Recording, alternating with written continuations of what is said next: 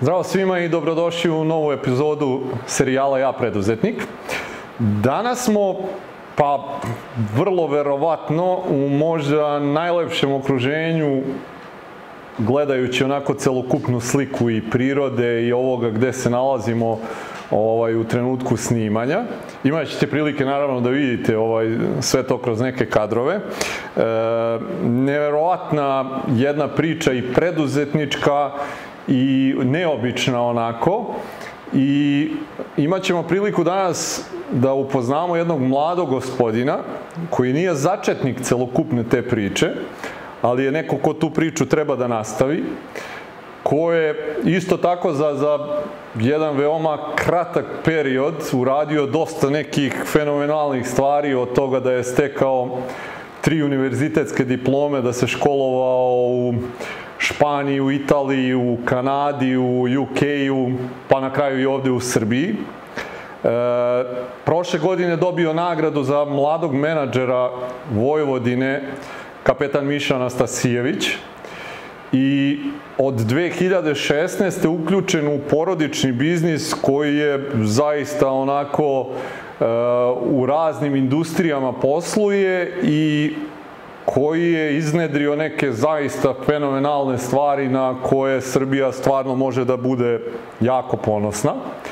Pa mi je stvarno zadovoljstvo da vam predstavim tog mladog gospodina koji se zove Aleksandar Cicmil I, Aleksandre, prvo, e, hvala ti zaista na fenomenalnoj dobrodošlici ovde kod vas. Neću još uvek reći gde se nalazimo, pošto ću to ostaviti tebi. E, želim ti dobar dan i evo ovako za početak, prvo da, da nam kažeš gde smo, pa onda i da predstaviš tu porodičnu firmu, kako sam ja već nazvao, ovaj, ko je, šta je i šta sve radi.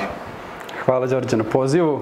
Nadam se da će gledalcima biti zanimljiva ova današnja epizoda, da bude istovremeno i edukativna, ali i zanimljiva i da, da uživate u narednih sat i po. Siguran da sam da hoće. Da Pogotovo, eto, dotakli smo se te, te neke strane.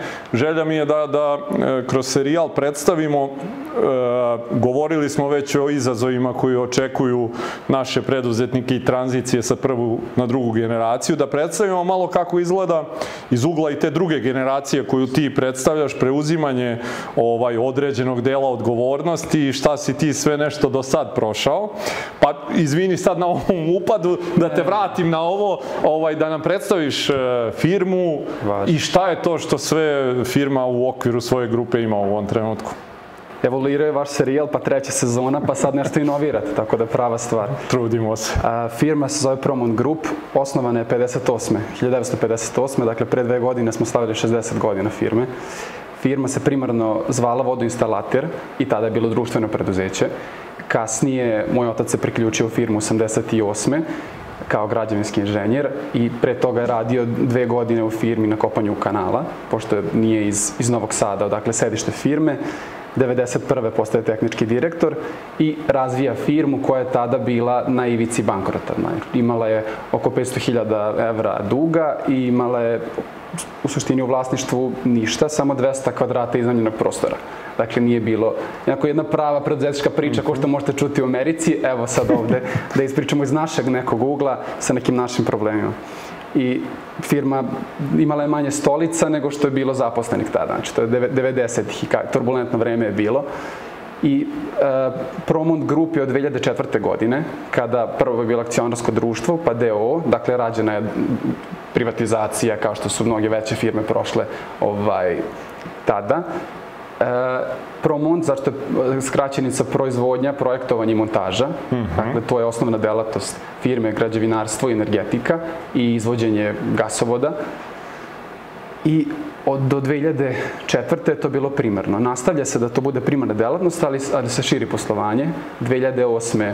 Promont Frigo se otvara ogranak, dakle hladnjaču smo sagradili, iznajmlja se prostor za smrznuto voće i povrće, dve, a od 2000, dakle to, to znači od 2000 do 2010. neka faza um, razvoja business to business, mm -hmm. kao i do tada. E sad od 2010. nadalje business to consumer, segment se razvija sa rakijom, pivom, pod brendom Premier. Znači kreirali smo više proizvoda pod brendom premijer, dakle rakija, pivo i od 2012. firma ulazi u hotelijerstvo. Mm -hmm. Ukratko, to, to je neka, neka ovaj, osnova. E, spomenuo si sad hotelijerstvo, ja sam rekao da ćemo reći ovaj, e, gde smo gde i danas, pa eto da možda malo čisto Evo. još detaljnije taj deo vezan za hotelijerstvo, pošto i on nije baš mali. Naravno, naravno.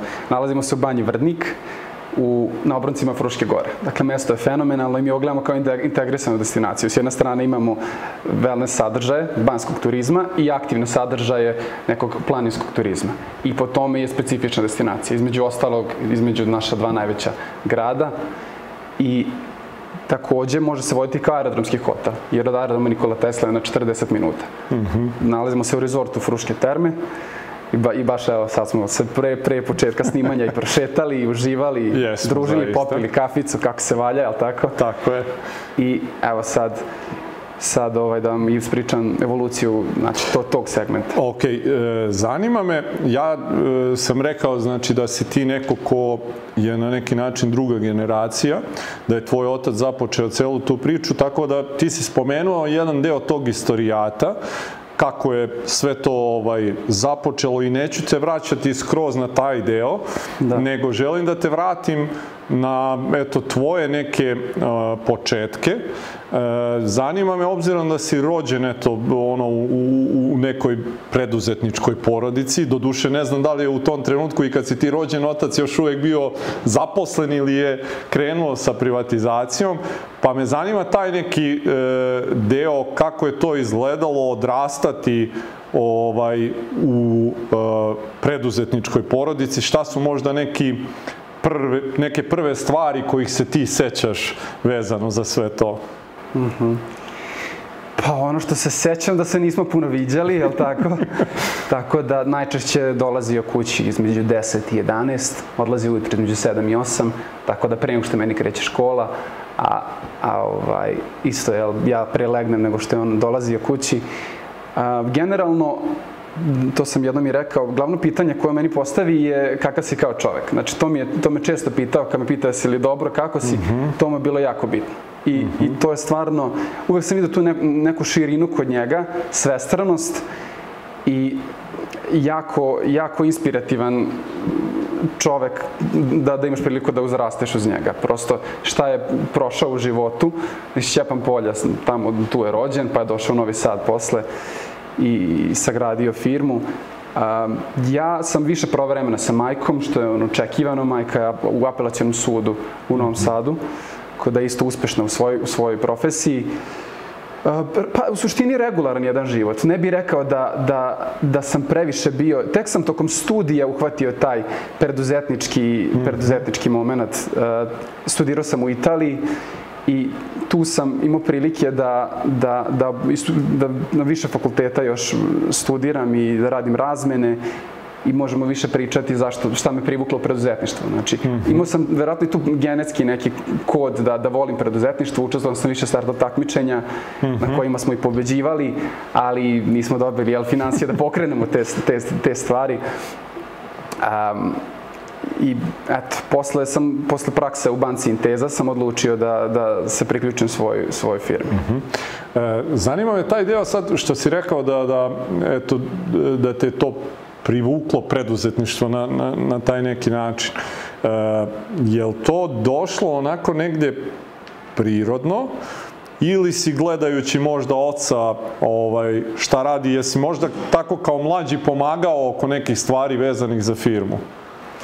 Pa, e, jesam, ali vrlo, vrlo malo. Znači, mm. više sam se fokusirao na to, uvek su mi govorili najbitnije znanje, najbitnije da učiš i da radiš jer su turbulentni prostori i nisu uopšte računali, nismo mogli tada da predvidimo da li će firma narasti. Mm -hmm. To je ono što je karakteristično za ovaj prostor, zato je teško nekad možda roditeljima da, da od ranije uključe svoju decu, jer neće da eksputavaju od mojih možda nekih akademskih obaveza koje ne bi stigli, da su bili, više bili priključeni. Mm -hmm. Firma od 2012. u hotelijerstvu, te godine sam ja otišao na studije u Italiju i od tad sam ja polako ovaj, počeo da se priključujem, znači sa svojih 19 godina. Mm -hmm. I smatram da je to sasvim dovoljno, mm -hmm. jer ne treba ni opterećivati previše, previše decu kad su mala. Ako oni ne pokažu potrebu, a, u redu je da, da, da ne budu uključena, S tim da ja sad već unapred razmišljam ako, ako da Bog nastavimo, nastavimo Mhm. firmu, volao bi da na američki način ono naprave negde ako lemonade stand, da prodaju jel, Mhm. sok od limunade, da prave, da prave prosto, da, da sebe testiraju, da osete osnove biznisa u stvari. Mhm. E, reci mi, što se tiče školovanja, spomenuo sam već da si ono u nekoliko e, zemalja prošao i školovao se.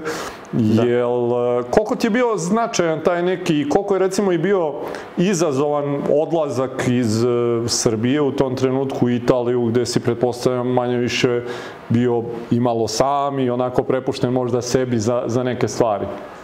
Nije, nije bio problem, e, jako sam zadovoljan znanjem koje sam dobio gimnaziji našoj, Mhm. u Voskoj gimnaziji. Većina kolega mi je radila taj IB program koji je dosta i skuplji i cenjeniji u inostranstvu. Mi odlično znanje steknemo u našim srednjim školama. Mhm. Za, za fakultetski nivo, znači za visoko obrazovanje, to je diskutabilno, ali za, za sred, nivo srednje škole jako sam bio zadovoljan sa znanjem. Super sam se snašao tamo i na osnovu tamo ocena sam onda dobio priliku da studiram i u Kanadi i Britaniji. Koliko, koliko je bilo značajno i to e, da ti proširite neke vidike e, boravak i u Italiji, u Kanadi, spominjali smo UK. E, Da, inače, još jedna sjajna stavka u tvom CV-u je stažiranje i u Deutsche Banci, i u BlackRocku. Mislim da stvarno mali broj ljudi ovaj, ima priliku za, za tako neke stvari. Koliko je tebi recimo to sve bilo značajno kad si odlučio da se vratiš nazad, znači rekli smo 2016. si se na neki način priključio ponovo firmi, ta neka e, znanja, iskustva i uopšte možda neka vizija kako bi to sve trebalo da izgleda u jednom trenutku i ovde u Srbiji. Totalno me promenilo. Mislim da šta fali često mladima ovde jeste samo prilika i da im neko otvori vidike. Znači to, to, to nam često fali. Ja sam to tamo dobio i, i prosto takmičio sam se mislim, na našim podeljima često se razvija dobar takmičarski duh, zato smo dobri u sportu. Ali ako nemaš teren isti kao što imaju drugi, onda nemaš priliku da, da se pokažeš. Tu sam imao i to me inspirisalo što neki mladi momci su čuli JP Morgan za firme, Deutsche Bank, su čuli od ranije, došao tamo, rekao ljudi šta je to, oni već pripremani od ranije da već nakon prve godine rade praksu tu. Ti već kasniš 3-4 godine. Već prethodna njihova generacija radila u bankarstvu i prosto ono, zapadna Evropa. Me- I, a, mislim, uspeo, uspeo sam za nekoliko godina da sustignem njihov nivo. I to sam posle samo preneo kad sam se vratio ovde. E, Spomenuo sam da, da, da si završio jedan deo školovanja i ovdje u, u Srbiji, taj koji je vezan za hotelijerstvo.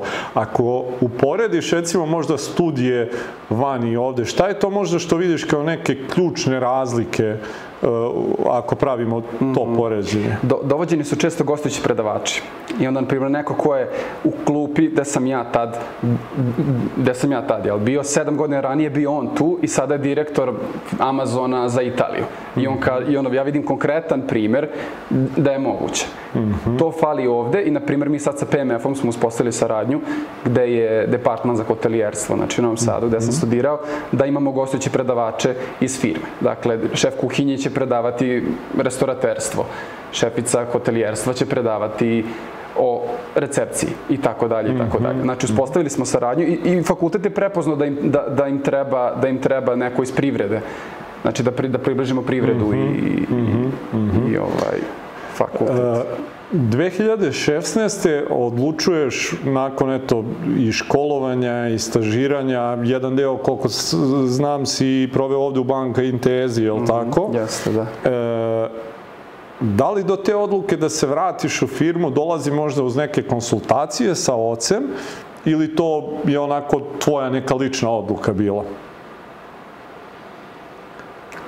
Pa, konsultacije definitivno. Želja mi je bila da se vratim u svoju državu, svakako, i da prenesem znanja koje sam stekao. Takođe, to što sam ono, jedinac, i to je bio faktor, da nas je više pa da se rasporedimo, lakše bi to sve palo i mojima. Ovako nekako sam ote, osjećao obavezu da se vratim i hvala Bogu imam šta da radim i da, da pokrenemo tu neku sledeću fazu razvoja razvoja firmi u Srbiji, dakle prelaska iz prve na drugu generaciju porodičnih kompanija i što dolazi prirodno sa tim profesionalizacije u firmi. Uh -huh. e, ti prvi neki zadaci, da tako kažem, kad si se vratio, šta su podrazumevali za tebe konkretno rad u firmi? Pa nisam, nisam imao neku poziciju, tako sam šta god ohvatim radio. Onako... Devojka za sve. Da, da, da, da.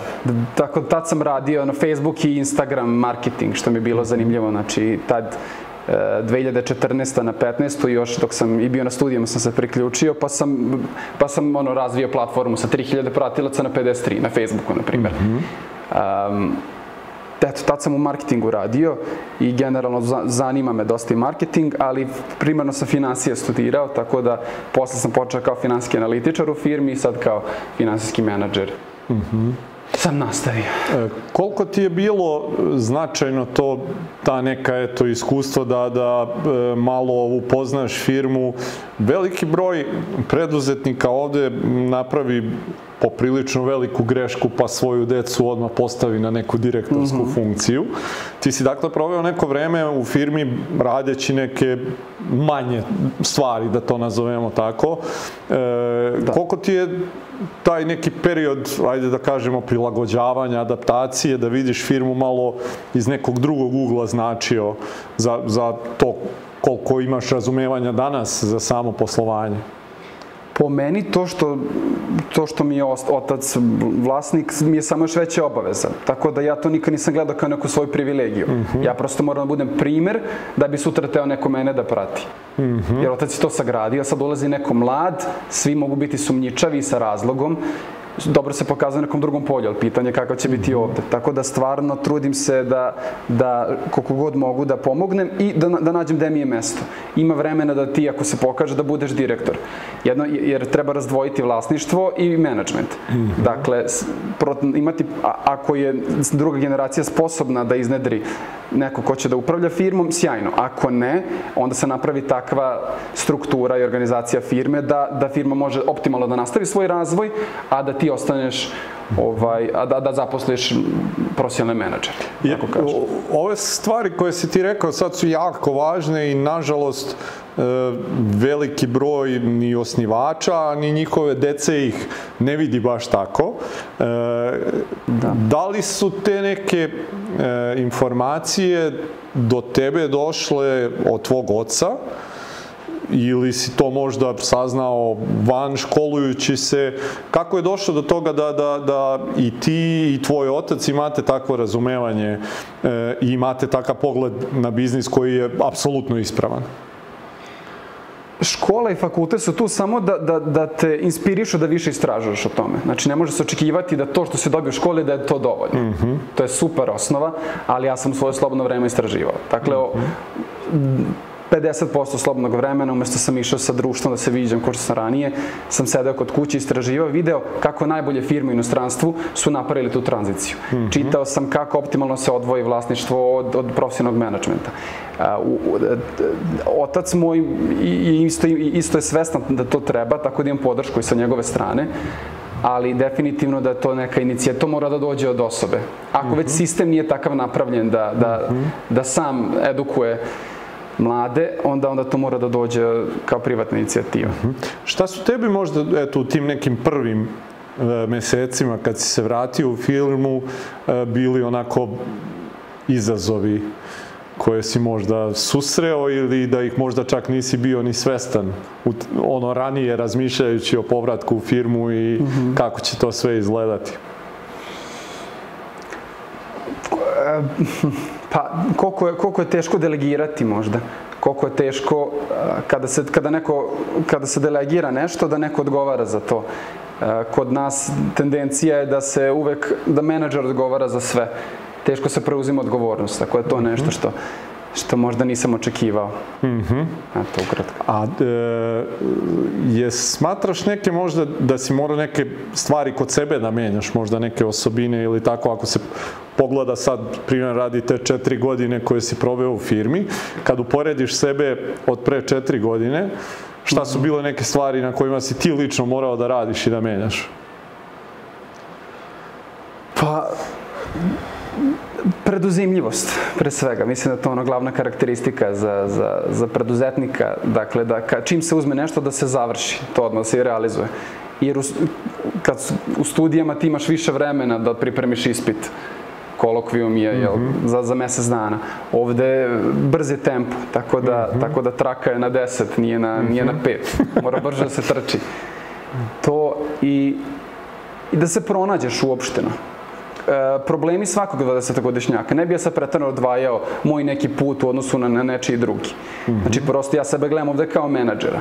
Možda i to da me, možda bi to isto zvoj da me ne opterećuje to što mi je otac vlasnik firme. Jer to je super, ok, ali ja sam nezavisna ličnost od toga, da gradim neki svoj put. To može biti zanimljivo ljudima koji slušaju, koji su možda sutra neka druga ili treća generacija. Znači da budu svesni da treba neki svoj put da grade.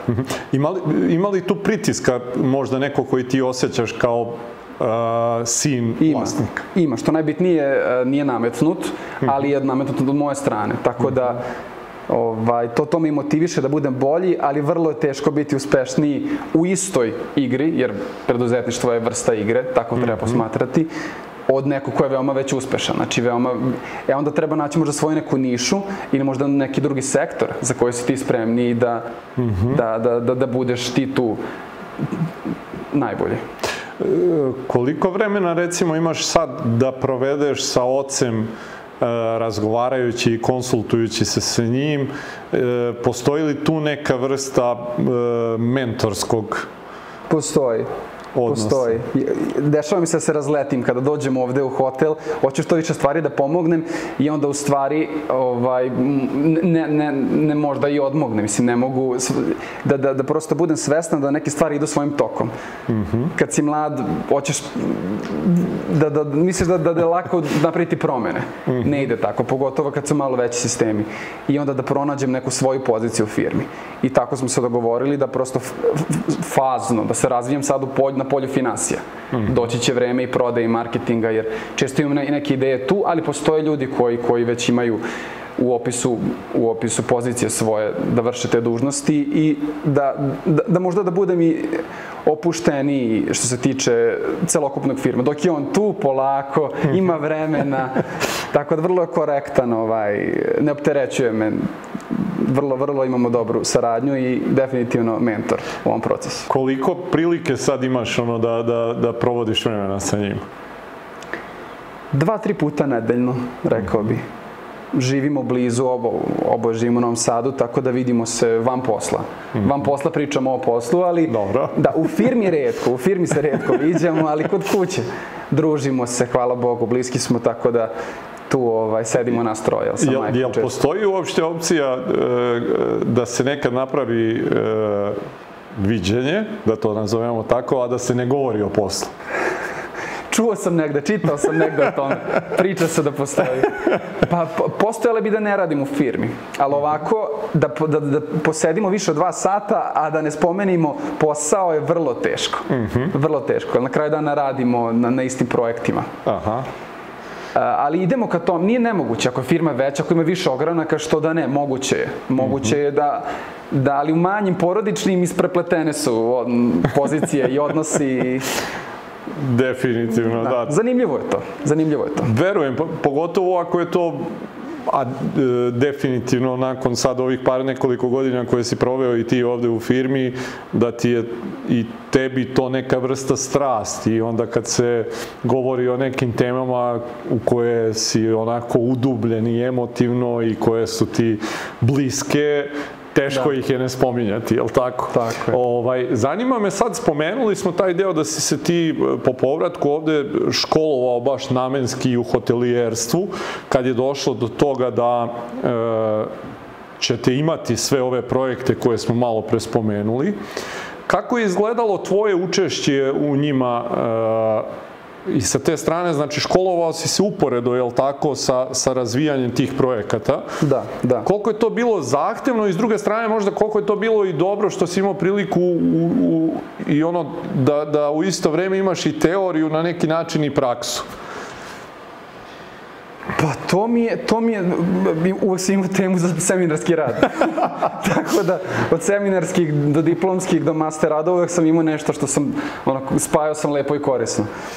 A, pomoglo je, pomoglo je da, da to što učim imam gde da primenim. A, s tim da kad sam napravio pauzu godinu dana, radio sam u firmi 2016. 17. vratio u Milanu na master, tad sam se nervirao. To mi je bilo teško, rekao ja šta ja učim, po nema veze sa praksom. Baš mi je bilo teško da se nateram da učim znajući da, da, da gori kod kuće, bilo mi je, bilo mi je nezgodno jer e, bitno im isto da shvate ljudima da nije ni vani sve zeleno. Znači, mm -hmm. i, i tamo jedino što je sistem takav da, da te inspiriše da radiš. Ali da na fakultetu da ti sve naučiš što treba nije tako.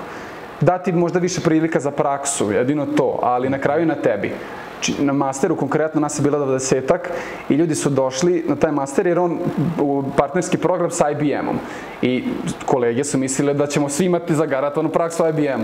U stvari to mora da znaš italijanski, mora da, da, da, da imaš i ocene i da znaš i ljude i sva, niko, svi otišli kućama, ovaj za Pakistan, ovaj za Indoneziju. Uh, nije, nije, nema tu puno velikih razlika za vani i ovde u znanju koje se stekne.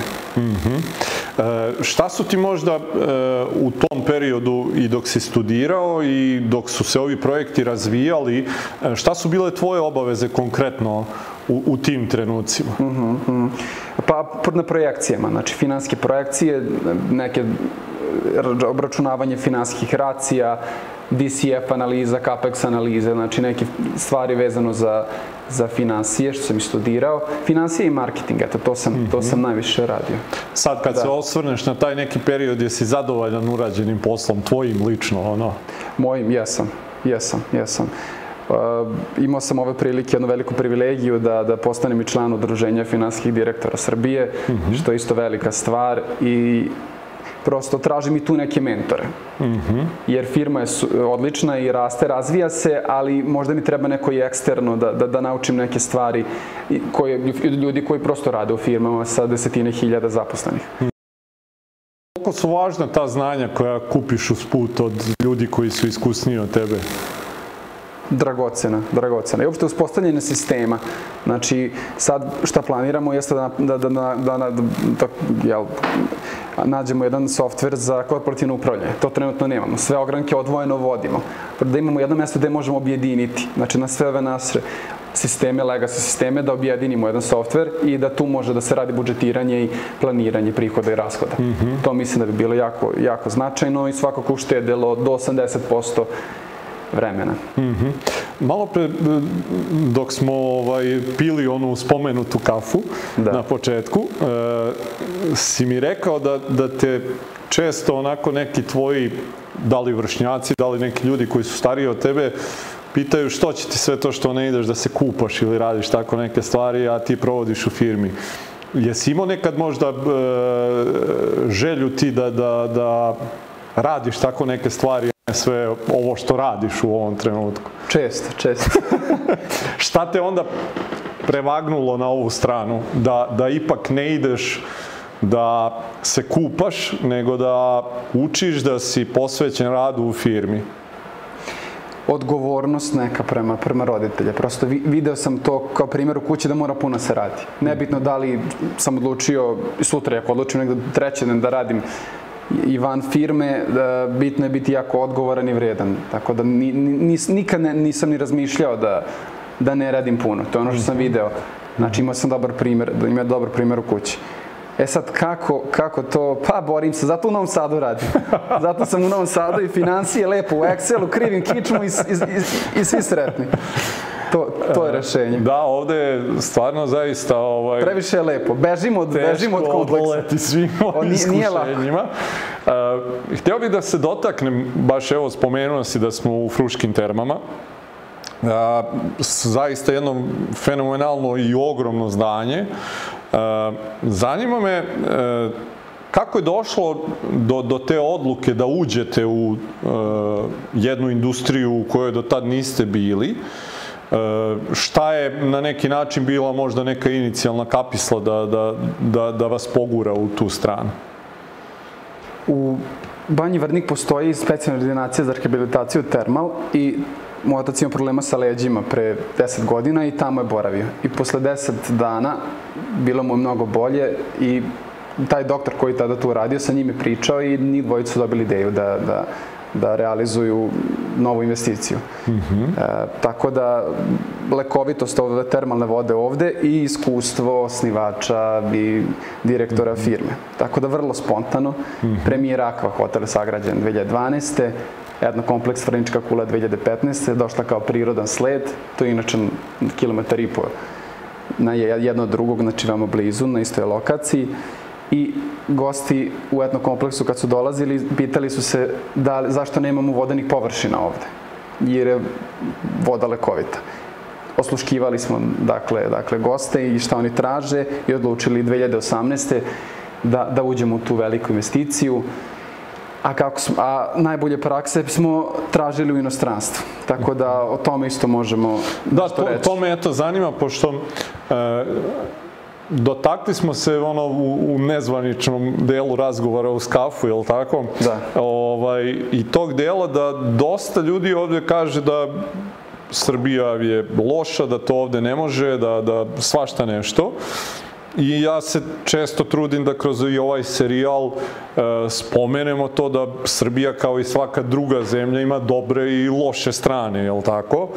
I e, jedna od tih dobrih koju sam e, spomenuo je, često je spominjen da vi možete da iskoristite znanja nekih drugih možda zemalja koje su ispred nas, i da vidite kako su oni te neke stvari radili i to je upravo nešto što ste vi radili vezano za ove terme, pa možeš da eto, približiš možda konkretnije šta su ti neki koraci koji ste vi preduzeli da biste videli iskustva nekih drugih ljudi.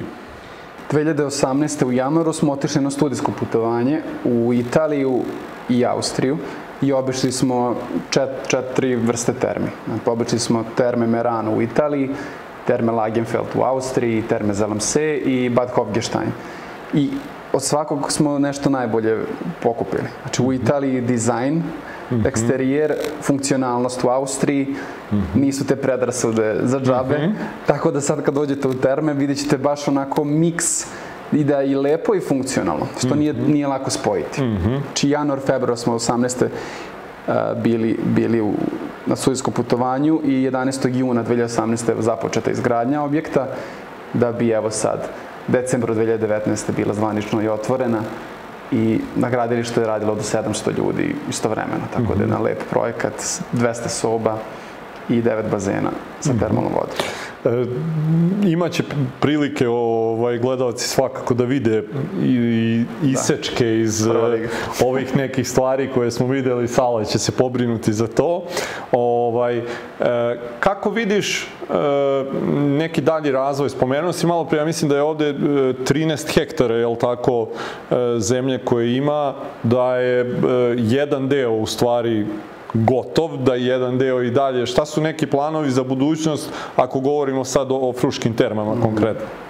Pa e, u planu su je razvoj rezidencijalnog dela, dakle apartmana i otvorenih bazena, kompleks bazena na još jedan hektar površine, četiri bazena najverovatnije. To su planovi 20. na 23. Mm -hmm.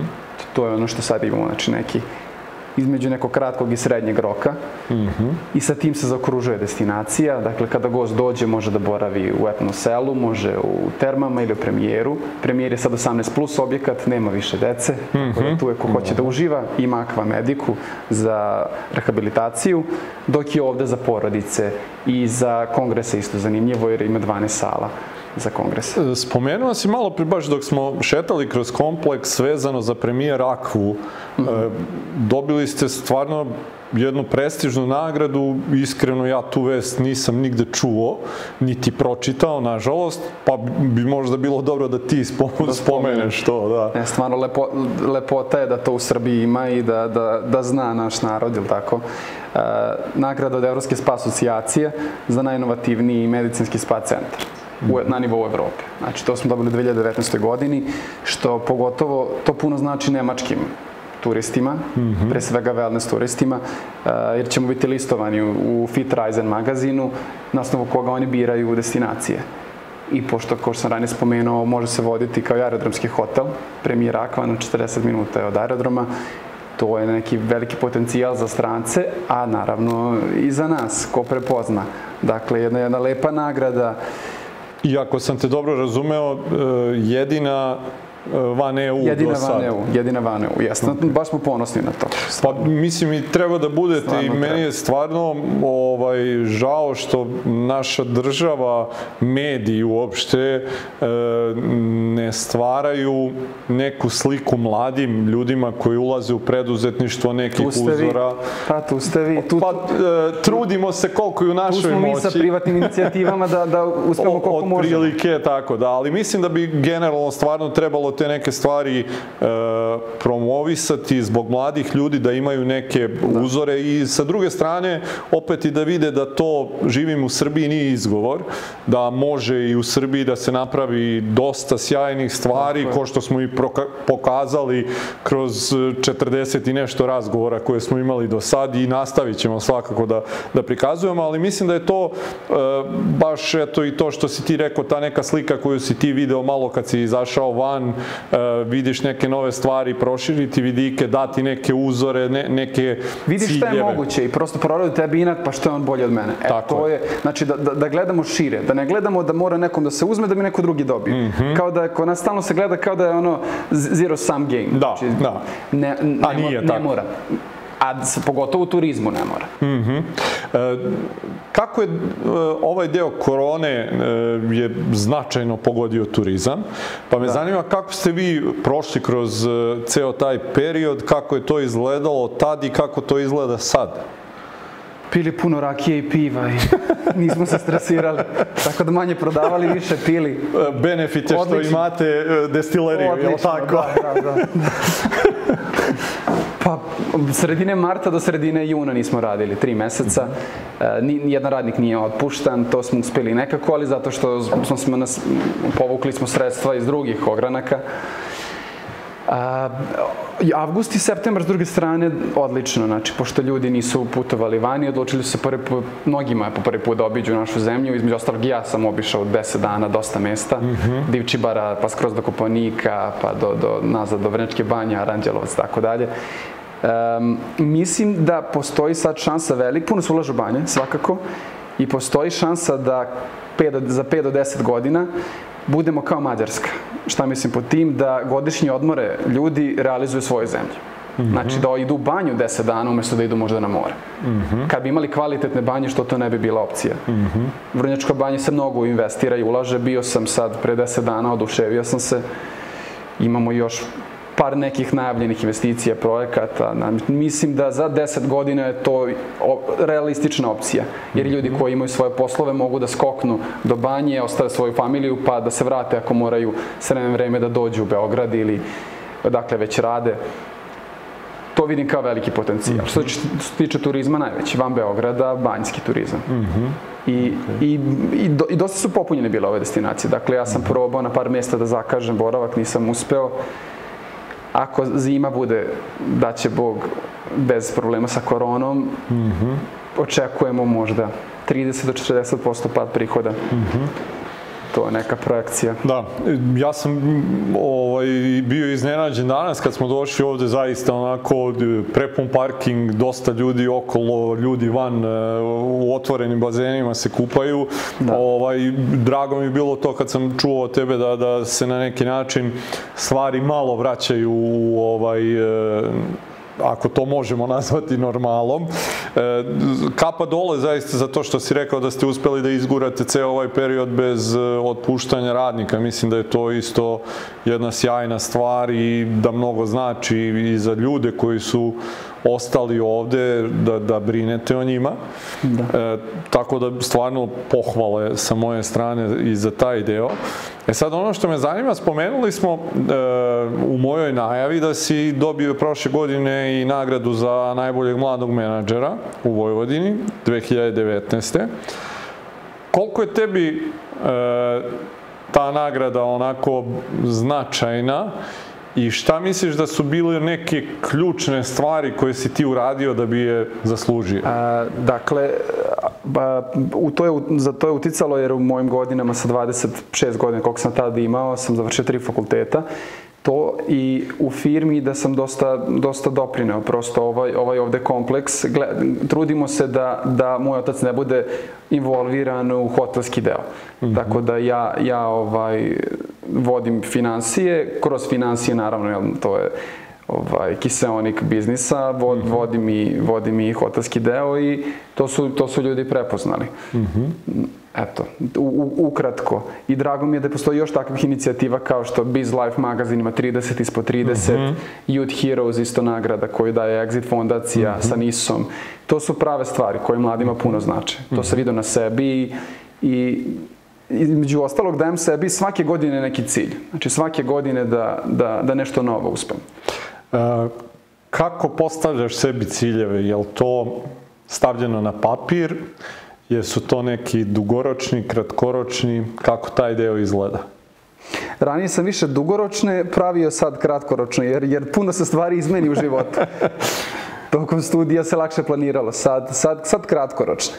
Sad kratkoročno. Jesu evo, na papiru ili? Na papiru, na papiru. Na papiru. Radio sam čak i o doktorskim studijama iz financije, da, da, da dopunim još znanje i, i iz, iz, iz ove moje tematike kojom se bavim na papiru mi se pokazalo kao naj, najefikasnije, mhm. jer uvek mogu da se vratim. Imam neke ciljeve iz 2015. 16. koje planiram da tek da realizujem, tako da mhm. moguće je moguće je sve, ali bitno je na papir. Je li to neka e, osobina koju si imao u sebi, da to tako kažem, ili si je naučio od nekoga da sebi postavljaš ciljeve u pisanoj formi? Mm, pa naučio od sebe. Naučio, da, da, mislim, to mi je bilo najprirodnije. Eto, prosto u, u, u Italiji sam upoznao nekih neverovatnih ljudi. Uh -huh. I, i, I to me inspirisalo. Vi, video sam šta je sve moguće. Video sam koliko mogu od sebe da tražim. Uh -huh. na, eto, to je da... Bio sam intervjuisan od 2500 ljudi na našoj godini i jedini za Oxford, za master studiju tamo. Znači, uh -huh. to su stvari koje ne bi mi pale na pamet, mislim, šta je išao na Novosadsku gimnaziju, nema, uh -huh. nema veze. Ovo je sve naglo naraslo zadnjih 10 godina. Mi, nismo mi bili toliko velika firma pre 10 Jasno. godina. Tako da, s, s, um, ne znam da koliko bi uspeo da budem skroman, da nije bio ovaj nagli razvoj posle 20. Da sam, to je nešto čemu već razmišljam možda za neku, za sledeću generaciju, za moju decu. Kako da, da ih odgajam, da, da budu skromni i ambiciozni. Mm -hmm. Da vide da ovo postoji, ali da, da, da se ne uzdaju kao, bal dobro, super mi je, uvek, ne moram da brinemo o, o, o financijama. Mm -hmm. Jako je bitno da, da, da grade svoj životni put. Mm -hmm. Da imaju tu opciju i van firme. Znači, ne bih nikad prisiljavao da budu u firmi. Je li to neka lekcija koju si naučio i pokupio od svog oca ili je i to nekim delom kroz deo uvida koji ti sad imaš kao druga generacija na neki način? To je nešto smo zajedno zaključili. Znači, definitivno, da, da, da, jer i on je, e, turbulentni su prostori dve generacije pre njega, isto, isto e, porodica, porodica i on imala više, ali, ali su onda sve bilo oduzeto. Znači, nikad se ne zna i najbolja investicija u znanje i time se, evo, eto, prosto sad spomenuo sam doktorske studije. Ko bi uopšte razmišljao o tome mm -hmm. u mojoj poziciji? Imam puno posla, ali bitno je ulagati u sebe, u znanje i, i dobre stvari će se desiti. Mm -hmm. I ono, u što verujem isto dugoročno, dugoročno planiranje, dugoročno investiranje u sebe kao i u firmu, to je velika prednost porničke kompanije, što nismo listovani. Znači ne moramo kvartalno da nekom radimo izveštaje neke, već sve što otac radi ne bi postojala šansa da, da on nije spreman da za pet godina će biti za deset, mm -hmm. da stisne zube i da izgura. E, e, tako, tako i u svoje privatno obrazovanje ulažem i to, to tako razmišljam. Šta je tebi nešto ono omiljeni način edukacije, je li to e, knjige kao takve, seminari neki, videi, kako to, šta je to što tebi najviše leži?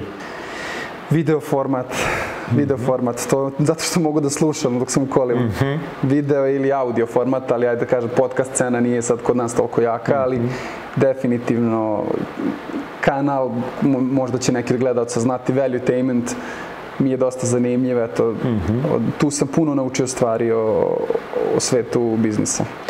Šta su neke ključne lekcije koje si do sada naučio od svog oca? Poslovnost.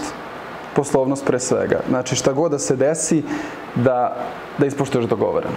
Mm -hmm. To je nešto što ja po prirodi kasnim, tako da to mi nije intuitivno uopšte.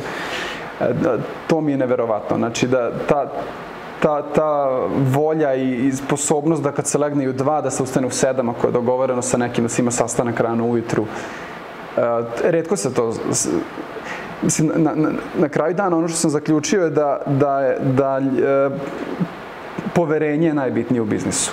Da znaš da to što se govori s nekim će biti realizovano. Tako. Što ne mora nužno se poklapa s tim da, neko, da je neko najbolji u tome. Prosto da, da, da ispoštuješ ono što si obećao. Mm -hmm. To je i da, i da budeš korektan. Da budeš korektan u odnosima sa ljudima. To je dve, naj, dve glavne stvari. Govorili smo da ste onako na neki način uh, ušli u taj proces tranzicije uh, sa prve na drugu generaciju. Uh, šta su neke stvari koje ste radili kroz sam taj proces? Da li ste to radili sami? I šta je neki plan za budućnost kako bi taj proces trebalo da izgleda? Mm -hmm. Pa ja, u, uključen sam u Adižesov klub 2040, tu je nas jedno stotinak mladih između 20 i 40 godina, od kojih se očekuje da ovaj, do 2040. nastave razvoj svojih firmi. I šokirao sam se nečim. Šta je to? Pa 95% problema jeste svađa između naslednika.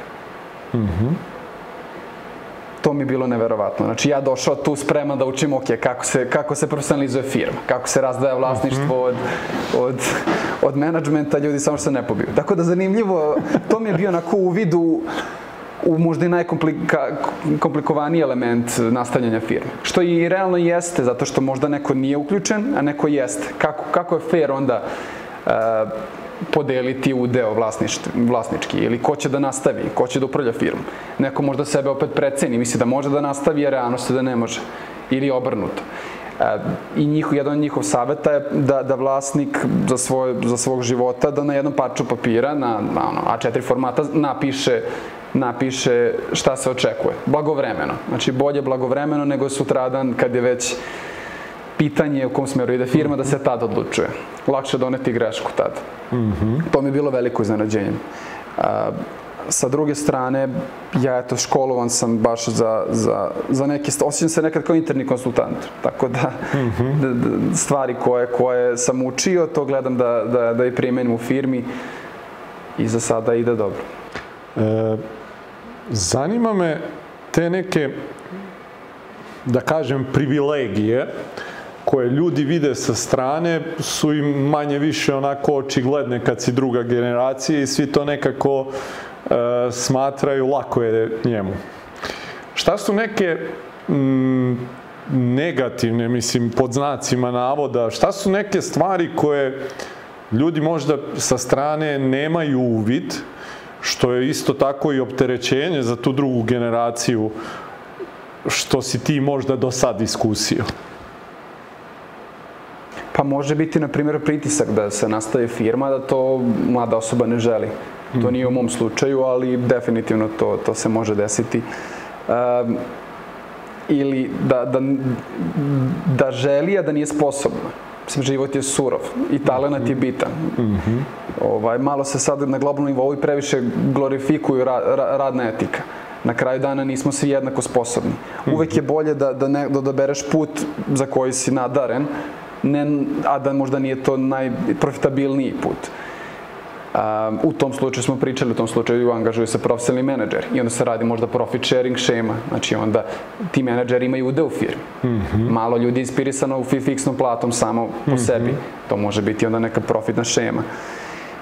Um, drugi deo pitanja je bio vezan za ko, još neke probleme. Neke, recimo, Što je veća firma, sve više problema.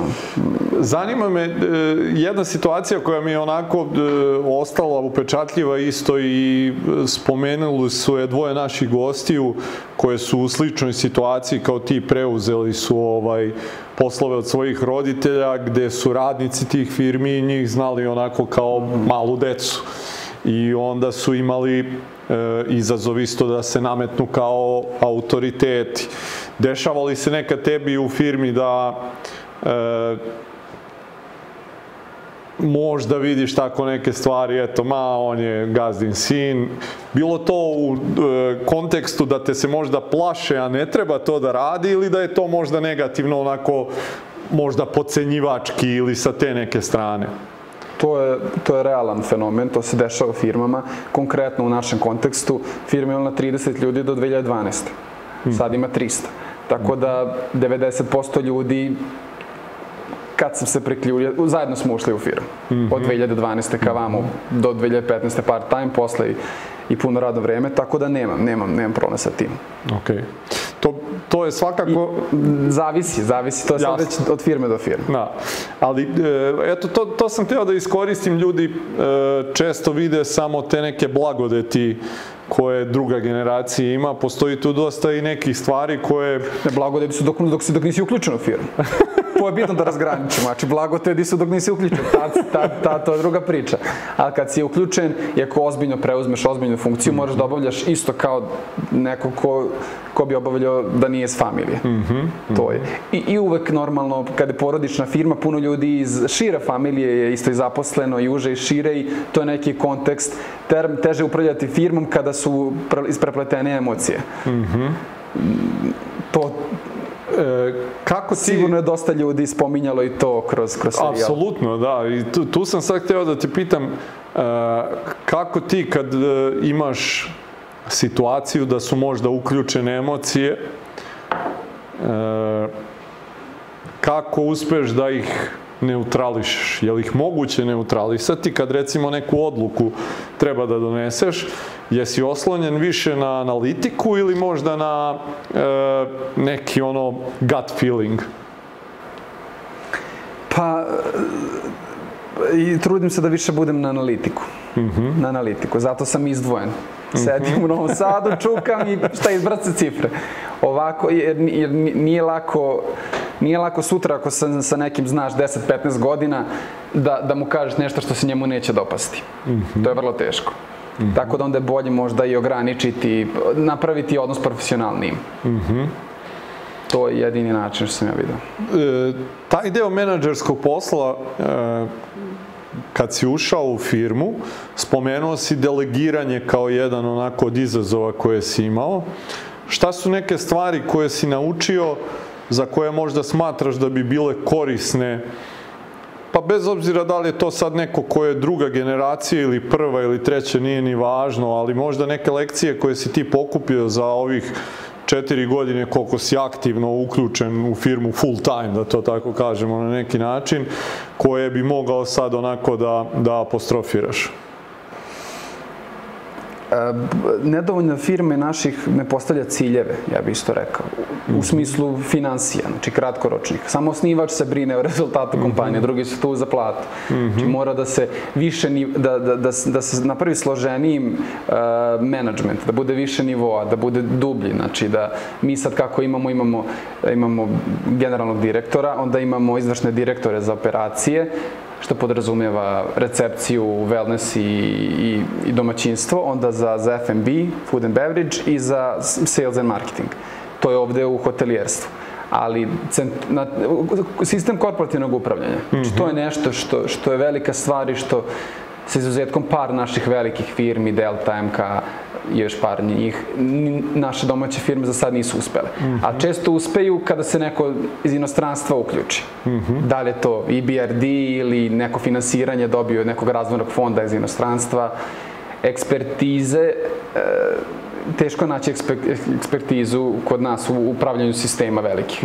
Jer 89. je prvi put om- omogućeno je da privatno vlasništvo od vlade Ante Markovića ka vamo i sad je ovo taman druga generacija, 90. do danas 20. do 30 godina, razvoj firme. Sad ćemo vidjeti, narednih 5 do 10 godina će se vidjeti šta će se dešavati. Procenjeno je da oko, se pričali smo malo pre, oko 70.000 ljudi je ugroženo u smislu da te kompanije ako se ne nastave, one gube posao. Da, Edukacija. To, to je definitivno bitna. jedan onako izazovan period koji očekuje e, ne bih rekao samo e, vlasnike firmi, nego uopšte našu zemlju. To je ovde onako jedna perspektiva koju e, dosta ljudi ne razumeju da to što je privatna firma ne znači da nije briga države, jer ako ta firma privat, ako je to sad si ti rekao broj, ako te privatne firme propadnu, 70.000 ljudi će izgubiti posao i to je onda svakako velika briga onda države. E, da. Tako da se nadam da ćemo uspeti ovaj, da, da eto, malo dignemo svest uopšte o ovoj temi. Jedan od razloga, kažem, eto i što vodimo ovakvu vrstu razgovora sa tobom, gde, e, dakle, ti nisi taj koji je počeo posao, ali e, si u tom nekom periodu tranzicije gde se polako pripremaš možda za jedan dan kada bi trebalo da ga preuzmeš. E sad me zanima, bitno pre... je vreme da počne se priča, to je bitno mm -hmm. samo naglasiti. Znači, moj otac već od 53. četvrte mi pričamo o tome. Mm -hmm. Mi sad pričamo o kompanijima da osnivači imaju 65, 67, 8, mm -hmm. kako, šta, pa, pa dođe, nastavi. Mm -hmm. Kako, ko, s kojim znanjima, kojim sistem, mislim. Mm -hmm pričali smo da, da jedna od naših firma do pre pet godina nije imala mailove. Mislim, to su neke ozbiljni neki problemi mm -hmm. u, u upravljanju. Da, mislim da je to definitivno e, polje na kome ima jako velikog prostora za napredak. Jedan od ciljeva serijala uopšte je da dignemo malo svest o tome i da se bavimo tim nekim temama, da pokušamo vlasnike firmi da najpre osvestimo oko tih nekih stvari, da počnu na vreme da razmišljaju o tome i da polako ili pripremaju drugu generaciju i svoje porodice ili da polako pripremaju nekog iz profesionalnog menadžmenta ko bi Tako sutra je. trebao da preuzme ulogu ovaj, koju vlasnik obično ima. Zanima me sa, sa, sa tvoje perspektive pre uključenja u samu firmu, Šta su možda bile neke stvari koje nisi bio svestan e, da ih je neophodno raditi, da ih tvoj otac možda radi, a kad si krenuo da, da, da si iznutra, si tek tad ih ono video kao, eto, nisam znao za ove neke stvari. On je meni pričao da je njegova pozicija direktor, znači ja to smatram da razvoj prodaje, razvoj biznisa i tako dalje. A, a u stvari njemu opet posao vatrogasac. Mm -hmm. to, nisam, to nisam znao. Tako da gašenje požara, time se čovjek bavi i malo kome je to interesantno. Druga generacija, šanse su da je odrasla u nekim stabilnijim uslovima, jel? Čak i da je skromna, opet prosto išla je u školu, osnovnu, srednju, fakultet. Nije, nije, nije lako da bude spremna za izazove sa kojima se osnivači susreću. Mm -hmm. Tako da, to, to mi je bilo, bio šok. Stvari čovjek vastrogasac, što mi nije rekao.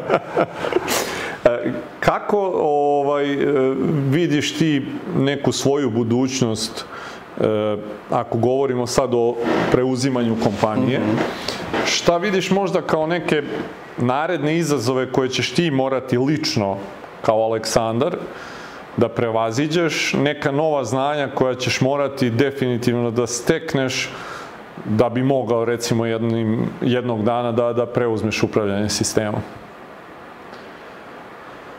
Uh, pa da, da, da im vi, više funkcija, da je više upravni odbor i izvršni odbor da budu, da budu bogatiji, mm -hmm. možda i nekog eksterno da uključimo, prosto kao neku, kao neku savjetodavnu funkciju. Um, saradnja sa nekim međunarodnim brendom, u hotelijerstvu. To isto mhm. mogu zamisliti kao jednu realističnu opciju, jer ovi kapaciteti sada već to hiljadu ležajeva treba izaći globalno. Mm -hmm. Pitanje koliko ćemo mi biti spremni da mi to iznesemo. Postoje već globalni brendovi koji već imaju distribucione kanale uspostavljenje i to možda bude interesantan neki vid saradnje Ono što vidim, to je sa te strane. Generalno da se napravi holding kompanija centrala u Novom Sadu i ovo sve da budu zasebne firme, čerakija, pivo, hotelijerstvo, tako dalje, i sutradan u nekim granama koje su možda meni bliže, da, pošto sam i informatik koji studirao, sutra možda neki gaming studio se napravi. Znači studio za, za pravljenje igrica. Mm. Nedavno je Nanobit firma iz Hrvatske, pre par dana, prodata za 148 miliona dolara. Mm -hmm. To je nešto što koja firma, domaća firma ima tu valuaciju. Mm -hmm. Ima silne promete, mm -hmm. radi poljoprivredu ili stočarstvo ili, ili radi trgovinu hranom promet je ogromni, 1% ebida marža i firme su ne, ne, nebrojno puta manje vredne. Mm. A ova firma osnovna 2014. ljudi napravili nešto što se globalno konzumira i to je to. Tako da bi video možda neki transfer kapitala u te neke branše koje su sutra još profitabilnije i mm -hmm. tako održa pranje sistema. Mm -hmm. Ok. Koliko je teško, kad govorimo sad sa nivoa grupe e, i diversifikovanog poslovanja koji imate, koliko je teško zadržati fokus i ne izgubiti ga kad moraš da onako žongliraš sa, sa nekoliko biznisa u, koje imaš? Nije problem ako se prioriteti uspostave. To je najbitnije. Dakle, ono što se kaže, to je teoretski Pareto princip 80-20. Ko to uspe, ne, nema problem. Tako da nemamo problem sa tim u firmi. Više je naći profesionalne menadžere koji bi to preuzeli. Da ne bi sad počeli se uključuju svi u firmi. Od tetke do strica, prosto svi to iz dobre namere, svi smo tu da pomognemo razvoju firme, ali dugoročno Mm -hmm. to onda nismo prešli u korporaciju. Ta, ta faza je ono što nas čeka. Koliko je e, bilo teško naći e, m, ljude na, za te menadžerske funkcije? Jeste li ih pronalazili eksterno ili ste interno morali neke od njih onako interno da razvije? Mi smo 90% ljudi je interno. Mm -hmm. Samo jedno dvoje je došlo sa strane da je uspelo da ostane. Mm -hmm. Možda imamo jaku kulturu pa se teško ljudi prilagode, mm -hmm. ali ali nije, pro, porodične firme imaju taj neki porodični pristup, ljudi to cene i najbolje se pokazao ljudi koji su od početka sa nama. Mm -hmm. Svi učimo zajedno. Zajedno mm -hmm. učimo i napredujemo i kad, kad treba eksterno angažujemo ljude da nas obuče. Znači nismo ima, ređe smo dovodili sa strane, sa strane zaposlene, više interno i radili sa, sa našim kapacitetima. Mm -hmm. Mislim da se velikom broju u firmi, ono sa kojima imam priliku i da sarađujem, e, to pokazalo kao e, jedna istina, da ta, to tako nazovemo, da, da e, eksterna rešenja, naravno, znaju nekad da budu dobre i nekad su neophodna, ali da ti ljudi koji rastu... A to je jedna, dve osobe, maksimalno. Da. Uglavnom se to ispostavi da veliku većinu unapređuješ interno. Mm -hmm. Čujem da, mislim, če, ovako, priča se da i većina firmi velikih interno ima konkurse. Mm -hmm. Zato nema možda u Srbiji mladi kažu, pa nema konkursa. Da, da. Pa ne budu, mnogi ne budu objavljeni. Znači, najbolje se ljudima pokazalo iz kuće da, mm -hmm. da, da Da, i, i mislim da je isto jako važna stvar to što si rekao vezano za kulturu, da možda ljudi koji dođu e, eksterno, e, trudio sam se da, da, da to isto često spomenem i govorili smo kroz serijal koliko je ta kompanijska kultura važna i mm da, da ima ona kultura jede strategiju za doručak i da je to jedna od stvari na kojima će naše firme tek trebati da rade i da razmišljaju o tome da još uvek nismo negde došli na, na, na taj ovaj nivo. Ali e, mislim da je dobro kroz ove e, neke razgovore sa firmama koje su malo možda na nekom višem stadijumu od većine kao što je i vaša, e, unapred razgovarati o nekim tim stvarima i osvestiti da, da ljudi počnu na vreme da razmišljaju o njima, kao što ste i vi krenuli na vreme da se bavite tranzicijom, da. iako veći broj ljudi ovde i vlasnika, kao što si ti sam rekao, to ne radi i onda kad dođu onako pred svršen čin to onda uglavnom završi loše po samu kompaniju, a to je onda kažem opet i problem same naše države, jel tako? Ako kompanija nestane veliki broj ljudi ostane bez posla. E, sa tvoje ovako neke tačke gledišta imaš 27 godina, jako si mlad momak i za, za svoje godine života stvarno mogu da skinem kapu šta si sve uradio. E, koje su možda neke ključne i prelomne tačke u tvom životu za ovih dvadesetak i nešto godina bile, za koje možda smatraš da su te onako definisale osobom kakva si danas? Distorzija ligamenata u četvrtom srednje. Igrao sam basket u školi i kad sam polagao, neko me gurno malo jače i ja glob sam zezan. I tad su me moji pokupili i ništa, me longeto stavili i mesec dana sam ležao. Mm -hmm. e, I tad sam imao vremena da se raspitam gde ću da studiram i šta ću i ode, ode ja u Italiju.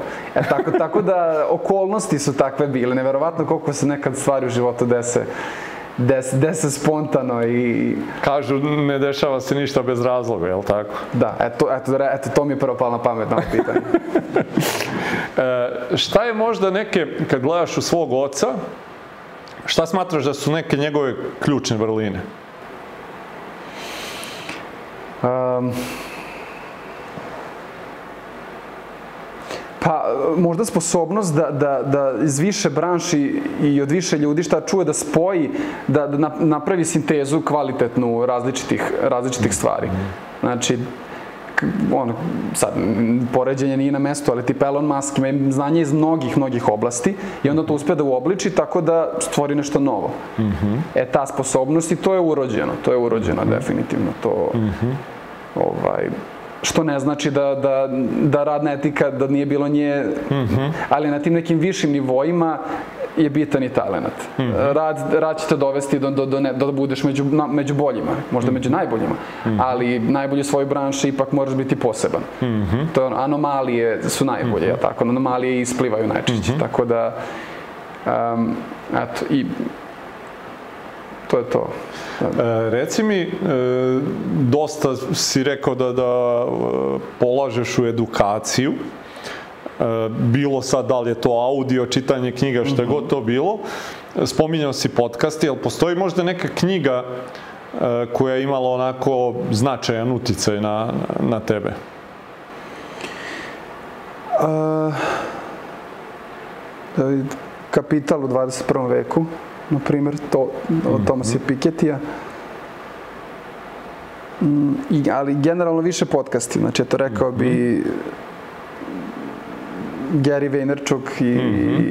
i, i ovaj, Valuetainment, znači takvi kanali, takve mm -hmm. kanale slušamo ono, u slobodno vreme, slušam u kolima. Uh, nemam baš puno vremena da čitam, tako da okay. nisam nešto stup postavio. E, reci mi iz perspektive tvoje sad ako bi trebao E, rekli smo, nisi ti taj koji je pokrenuo ceo biznis, ali si zahvaljujući e, radu iznutra u jednom ozbiljnom sistemu imao prilike da naučiš dosta stvari. Ako bi ti sad rešio sam da pokreneš svoj biznis i da to prevedemo možda u neke savete isto za neke mlade ljude koji razmišljaju, Šta smatraš da bi bile ključne stvari koje bi bilo potrebno uraditi? Pa, pa, rekao bi da sam se očešao preduzetnika i njegovu energiju. Mm -hmm. Tako da to me inspirisalo. Vidio sam da je moguće. To je ono što sam rekao na početku razgovora. Znači, samo da, da vidite da je moguće. Mm -hmm. I, I onda što ne bi ostvarili. Mm -hmm. Samim tim onda raste i vera u sebe, jer ste, jer ste videli. Znači, treba nam neka matrica matrica kako da se dostigne uspeh. Kontakti su izuzetno isto bitni. Da znaš, ako ti nešto ne znaš, da znaš kome se obratiš. Mm -hmm. a, i prosto da budeš korektan isto sa svakim, jer sutradan nikad ne znaš gde će on završiti, možete uputiti negde na neko, na neko ko ti treba. Znači, jako je bitno da, da, da, da, da ne budeš ono nekorektan prema ljudima. Mm -hmm. Okay. Da. E, ako gledamo tvoj privatni život, neki van posla i to e, sve, koliko ima vremena za njega? Kako izgleda recimo tvoj dan sad? Pa, ovaj, pa radim do, do, do jedno sedam i onda posle tako, bavim se financijama u slobodno vreme, tako gledam, gledam uopšteno o, kako kompanije se rastu, razvijaju, kako, racionalize, evaluacija mm -hmm. firmi, kako to izgleda. Uh, sa strane konsultanta, rekao bi. Mislim da nisam u firmi, mislim da bi mi bilo zanimljivo da radimo u nekoj revizorskoj kući velikoj ili mhm. tako, consulting firmi. Tako da, E, pored toga, hobi mi je i putovanje. Vikendom mm -hmm. volim negde da se pomerim. Sad sve češće idemo po Fruškoj gori. Mm -hmm. Nedavno imaju ovde i vožnja kvadovima da se radi, što je fenomenalno. Super sadržaj.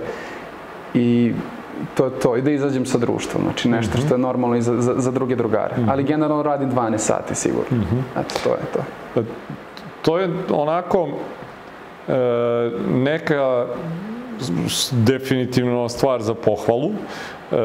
I mislim da je to jedna isto činjenica da većina ljudi ako gleda sa strane tu neku drugu generaciju, da to tako kažem, smatraju da ovaj, oni mogu sebi da priušte, da ne rade ništa, da... Ali tako propada i stagniraju. To je ono što je problem. Ti možeš to kratkoročno, ali šta dugoročno? Mislim, treba da budeš sutra, ti imaš svoju familiju. I e, drago mi je baš što si ti rekao eto, i kako taj tvoj dan izgleda, jer e, e, i ti ciljevi koje ti lično imaš, mislim da, da su oni jako važni, da ako nemaš njih, ništa te ne gura napred. Tako, Lepo je verovatno provesti i možda si ti kao mlađi proveo, ne znam, neko vreme onako opušten i relaksirajući I- to što si rekao, ali nakon nekog vremena, jel tako, to isto postane bez veze.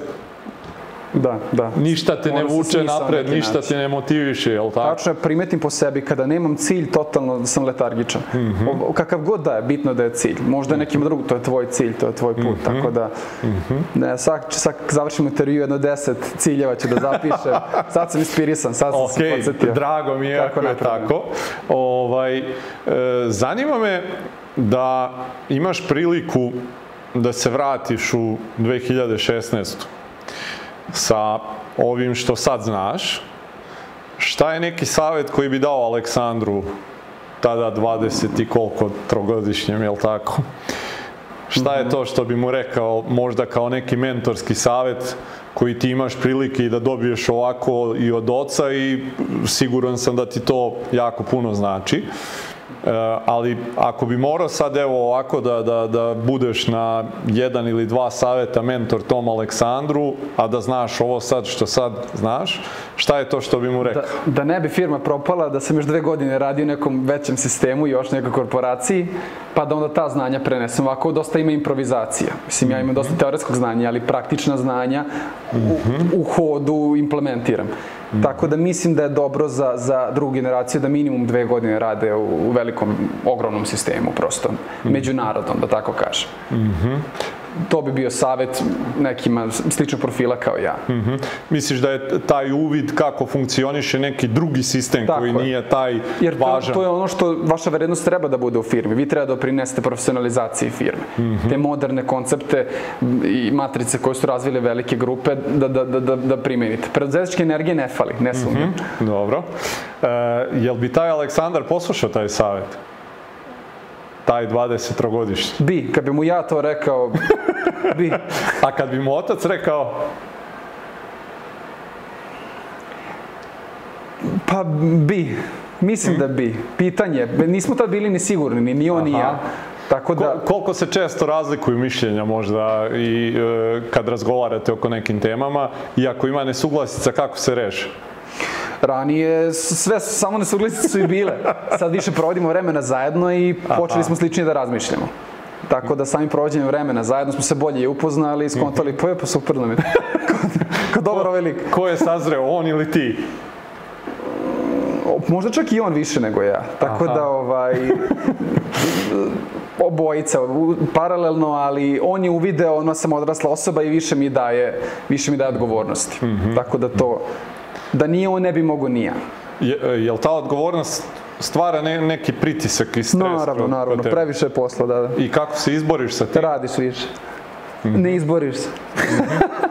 U slobodno vreme još radiš. Pa mislim, zato je to sve individualno, nije, nije za svakog da, da radi u porodičnoj firmi. Ne treba to gledati kao tragediju ako, ako, ako nisi za. Sa, ali zato onda napraviti sistem da, da može firma da opstane, da se nastavi. I neki svoj, ova neka svoja isto iskustva bi voleo isto da, da, da, da, da pričam na, na nekim platformama koje se budu rađale narednih godina. Sigurno će ih biti. Srbija ovo tek čeka i, i voleo bi neku privatnu inicijativu isto da, da napravim u, u sferu obrazovanja i mlađih i starijih uh, u porodičnim firmama kako da najbolje kako da najbolje prenesu. Da. E, Aleksandre, hvala ti puno za odvojeno vreme. Mislim da, da smo se dotakli nekih jako važnih tema, da si ti Tako je. preneo neka jako važna znanja i iskustva koje si prošao do sad u ovom periodu. E, trudit ćemo se stvarno ovaj, da, da pokušamo da što više ovakvih nekih iskustava i drugih generacija, ne samo osnivača, naravno da su oni ovaj, jako važni i da se serijal isto zove ja preduzetnik, ali baš upravo zbog te neke situacije koja nas očekuje, mislim da i ova perspektiva druge generacije jako važna da je polako uvodimo, da i vlasnici ostali kompanija to osveste. Što se tiče e, vašeg biznisa, stvarno želim da, da odam ono priznanje i tvom ocu i tebi, tvojoj porodici i svim zaposlenima za sve ovo što ste uradili. Stvarno, e, terme ovde koje smo imali prilike da obiđemo su na, na jednom neverovatnom nivou. E, mislim da ljudi koji budu došli ovde da će se iznenaditi ovaj, da imamo tako neke stvari u Srbiji. Mislim da je korona sad neke od njih čak i naterala po prvi put možda da traže tako nešto pa da dođu ovde da završe. Želim vam stvarno puno uspeha u, u nekom budućem e, periodu i, i da taj izazov koji tranzicija nosi sa sobom e, prevazićete na, na jedan ispravan način i da to sve bude onako kako treba da bude. Hvala, Đorđe. Pozdrav za gledalce, samo napred.